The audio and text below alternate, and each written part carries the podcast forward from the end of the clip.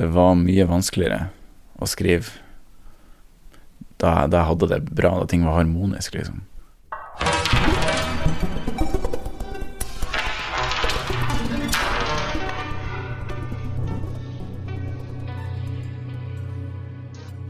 Den romantiske myten om den lidende, gale kunstneren med en mystisk indre kreativ kraft lever i beste velgående. Men er det egentlig en myte? Skriver man bedre musikk og tekster når man er deppa, eller sliter med psykiske lidelser? Dette er lyden av psyken.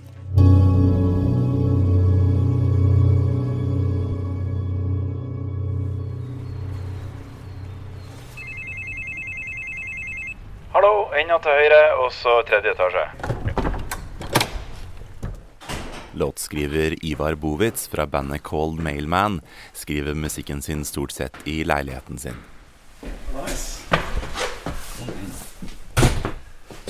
Det er inspirerende rom, absolutt. Jeg bodde jo her sammen med hun jeg var i lag med. Det hjelper jo heller ikke på psyken, men det er bra for produktiviteten. Ikke Leonard Cohen sier noe sånt som Is this what you wanted? To live in a house that is haunted by the ghost of you and me. I mitt tilfelle så er jo svaret da ja. Um, det er visst det. det er veldig Det, det funka i hvert fall bra for meg. Da Ivar og ekskjæresten bodde her, var det fryd og gammen.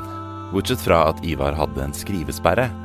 Det var først da bruddet var et faktum at eh, inspirasjonen begynte å komme igjen. Resultatet av et knust hjerte ble et nytt album signert det prisbelønte bandet Cold Mailman. Baby, wake up, we are losing the fire. Open your eyes, can't you hear the alarm?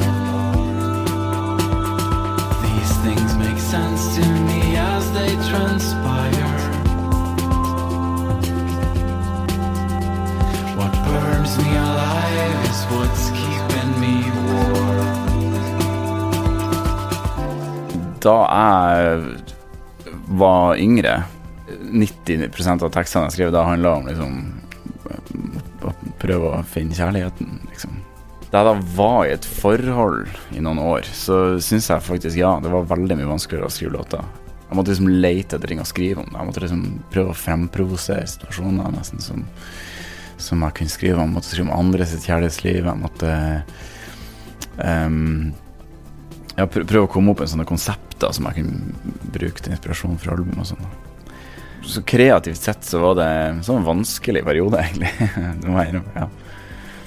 Men da det forholdet tok slutt, så var jo det Så hadde jeg egentlig hadde vi egentlig tatt en liten pause med bandet. Jeg hadde egentlig tenkt å prøve å ta en pause fra Cold Mailman og lage, lage noe annet. Og ikke nødvendigvis jobbe så mye med musikk en periode.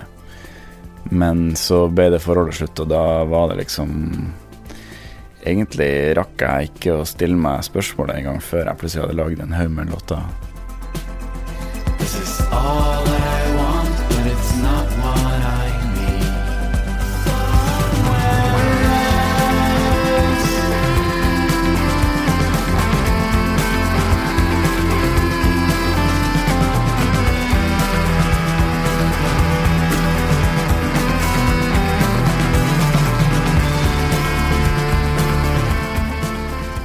Å skrive, eh, skrive det av seg og deale med et brudd som eh, Ja, det er jo egentlig et enormt privilegium, kan man si. Å ha mulighet i, når man er i en, en vanskelig situasjon, å kunne ha en, en, en såpass produktiv måte å, å, å deale med det på. Hvis jeg var ekstra langt nede og liksom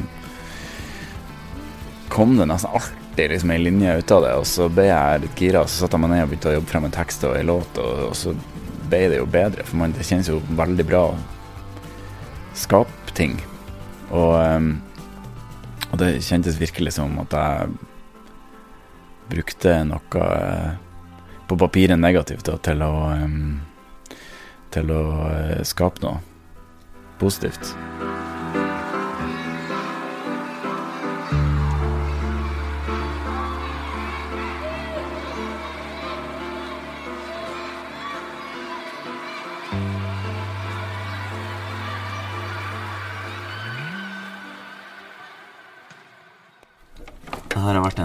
Den synten her har vært en veldig stor inspirasjonskilde. Output, input Så den her har jo jeg lagd nesten hele den nye plata på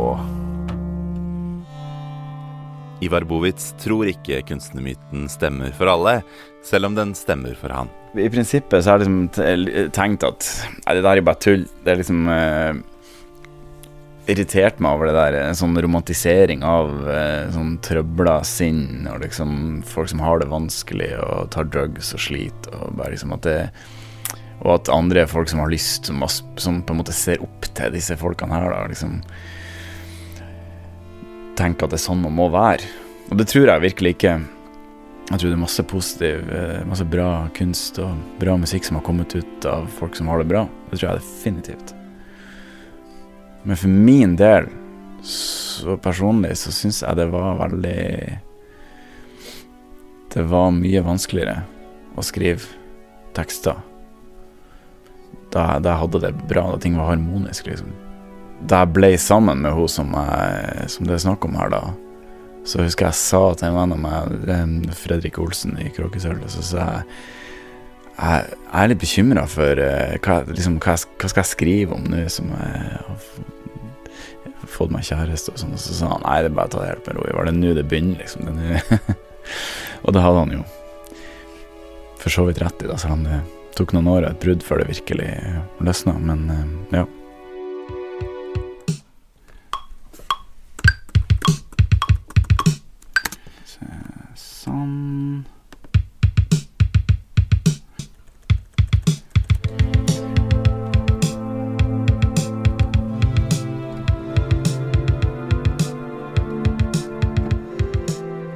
Jeg vet ikke. Jeg, jeg, jeg tror definitivt ikke man må være eh, i en vanskelig situasjon for å lage noe bra, men jeg tror det er Jeg tror det kan gjøre det lettere når man først er der, fordi man ofte tenker mer, man grubler mer og sånn, og det, kommer ting ut av det. Og så er det jo noe med at tross alt så, så er det jo noe i den klisjeen om at det er jo veldig mye musikk. Veldig mye popmusikk som handler om kjærlighet, og særlig vanskelig kjærlighet og tapt kjærlighet og alle de tingene der. Så derfor så tenker jeg at det er en sånn Hvis man har hørt mye på musikk i sitt liv, så, så går jo hjernen fort dit, da, tenker jeg. Når man sitter og grubler, så, så gjør den sånne linker der. For meg er det liksom det, det som er interessant å skrive om, det som gjør at jeg får liksom eh, blod på tann når jeg sitter og lager musikk, da, det er det her. Det er når det er noe, noe trist, liksom. Ordentlig, ordentlig trist.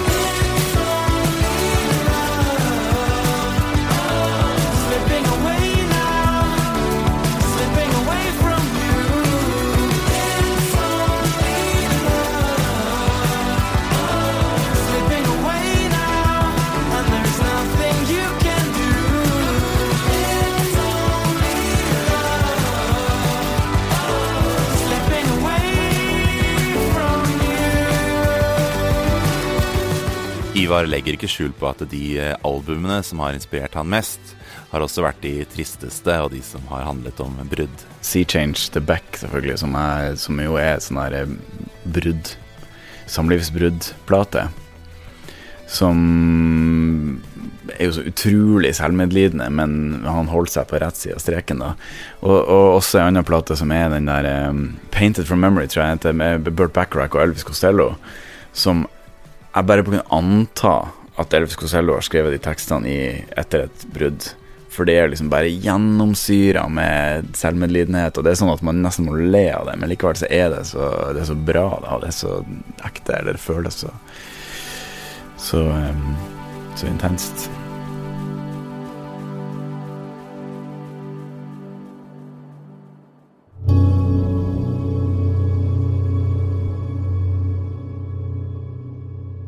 Som kan sin musikkhistorie, er komponistlegenden Olav Anton Thommessen.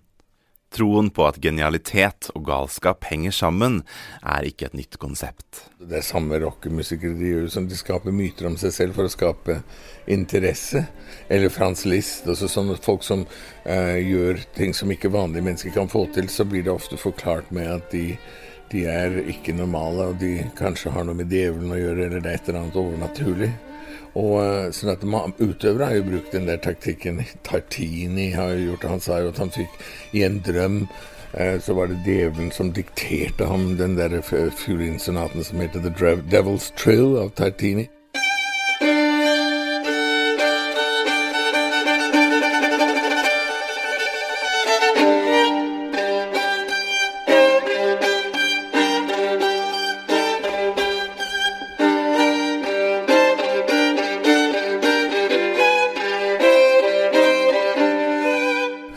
Gesualdo, denne komponisten som vi eh, betrakter som vår eneste morder, eh, han drepte jo sin kone og sitt barn og elskeren. Og det fins fortsatt knivhugg i gulvet hvor man kan se hvor dette skjedde. Og han da brukte resten av livet sitt på Han klippet ned alle trærne rundt huset sitt for at han trodde at konas familie ville komme og slå det i hjel. Og så begynte han å skrive disse sinnssyke madrigalene, kromatiske madrigalene om lidelse. Så hadde han sine tjenestefolk piska ham hver kveld, og i det hele tatt Han var en raring. Jeg, tror at popmusikk har jo flere folk som er mordere, men, men i klassisk musikk er det bare Gesualdo inntil videre.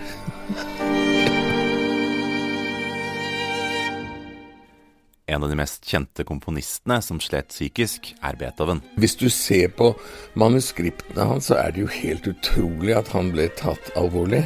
Fordi at de der manuskriptene ser ut som det renspikkede vrøvl.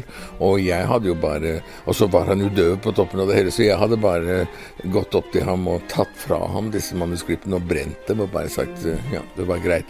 Men han hadde en liten krets av folk som tok han alvorlig, og det syns jeg er helt utrolig når du, når du tenker på det. At han en døv komponist. Så veldig mye av Beethovens uh, lyder er jo science fiction på mange måter. Det er en type lydbilder som er bare innbilte og fullstendig crazy. Men så etter hvert så blir de jo uh, tatt opp av som kultobjekter av visse komponister som viderefører mange av hans me- mer radikale ideer, men jeg mener han var jo egentlig ikke Han, var jo myteomspunnet, men han var jo ikke populær i de siste, det siste stykket som virkelig slo an. For han var den andre symfonien, og etter det så bare ristet folk på hodet og sa han var jo flink i Men han er blitt helt gæren. Og så på toppen av det hele så er han døv. ikke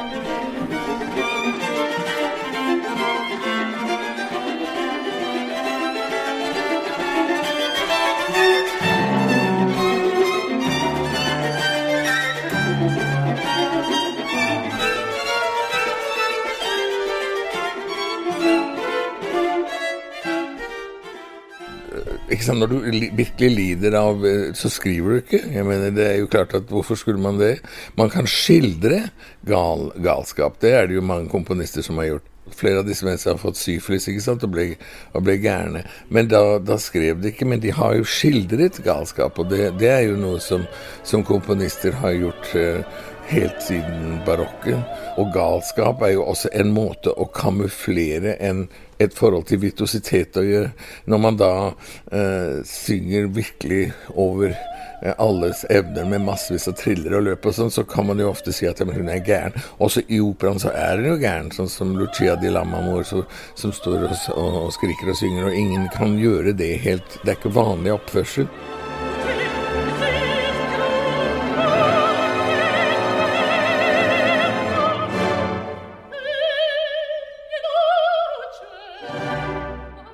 Thommessen har nylig skrevet et verk om galskap for Ultimafestivalen og Det Norske Kammerorkester. Jeg prøvde å lage et stykke om Nijinsky, altså danseren Vatslav Nijinsky, som, som ble eh, schizofren, og som ble, etter han laget den virkelig banebrytende originalkoreografien til Vårofferet. Og så var han jo da lagt inn i galehuset. i, i 40 år, og der skrev han en crazy dagbok som jeg har eh, brukt som grunnlag for teksten. Og, den, den dagboken er en type litteratur som, som kommer fra galehuset. Det er jo mye, mye som gjør det. Men eh, altså, ikke sant, hvis man er virkelig plaget av psykiske problemer, så tror jeg ikke altså man skriver. Da, da har man det bare fryktelig. Men det er lettere å skildre det.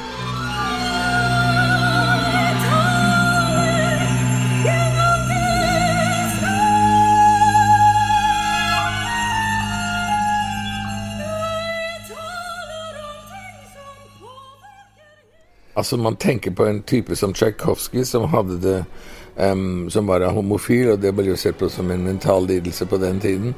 Og han uh, skriver jo om det, altså i sin musikk ganske direkte. Altså den, den følelse av fortvilelse og, og fordømmelse som han ble utsatt for, kommer inn, inn i musikken.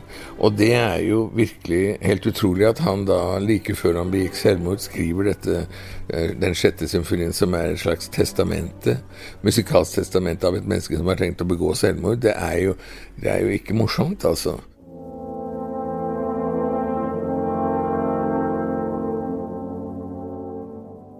Psykolog Jonas Våg og Musikernes Fellesorganisasjon intervjuet i 2014 over 2000 norske musikere.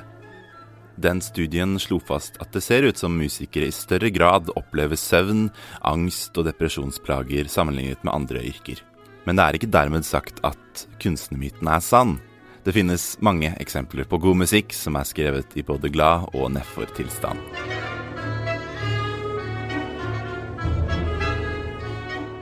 Når man skriver store verk, sånn som Thommessen, er man veldig mye alene, i dialog med seg selv. Da må man kunne tåle sitt eget selskap og sitt eget hode. Når man tenker på hva han der sa til sier 'Hell is other people', det er jo en ganske forferdelig ting å si, men det er noe i det. Og det kan være et eller annet mentalt merkelig i det. At man eh, er mye alene. Det kan være en form for ikke sykdom, men det kan være et, et symptom på et eller annet. Men eh, da har man jo kunsten, da, som man kan snakke med. Hvis det ikke hadde vært for at han fikk muligheten til å undervise i tillegg til musikken, tror Thommessen at han hadde havna på psykiatrisk avdeling. Jeg liker å skrive musikk, og jeg tror jeg kan skrive musikk, og det er det jeg kan. Det er ikke, ikke noe mer. Så jeg var veldig, veldig heldig, for at eh, alternativet hadde vært dikemark, eller noe lignende. Det hadde det nok. Så, men jeg tenker ikke som man er en belastning på samfunnet som kunstner. Men jeg mener man kan være mer en belastning som pasient enn som professor.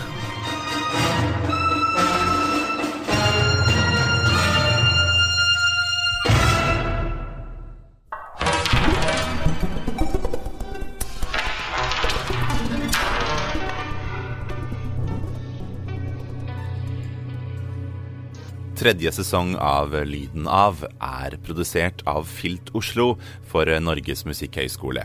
Produsent er Peter Daatland, redaktør Kjetil Bjørgan, reporter og klipper er meg, Einar Stray. Har du noe ris eller ros, nøl ikke med å sende oss en melding på eh, Musikkhøgskolens Instagram eller Facebook-side. Dykk inn i lyden av universet på lydenav.no.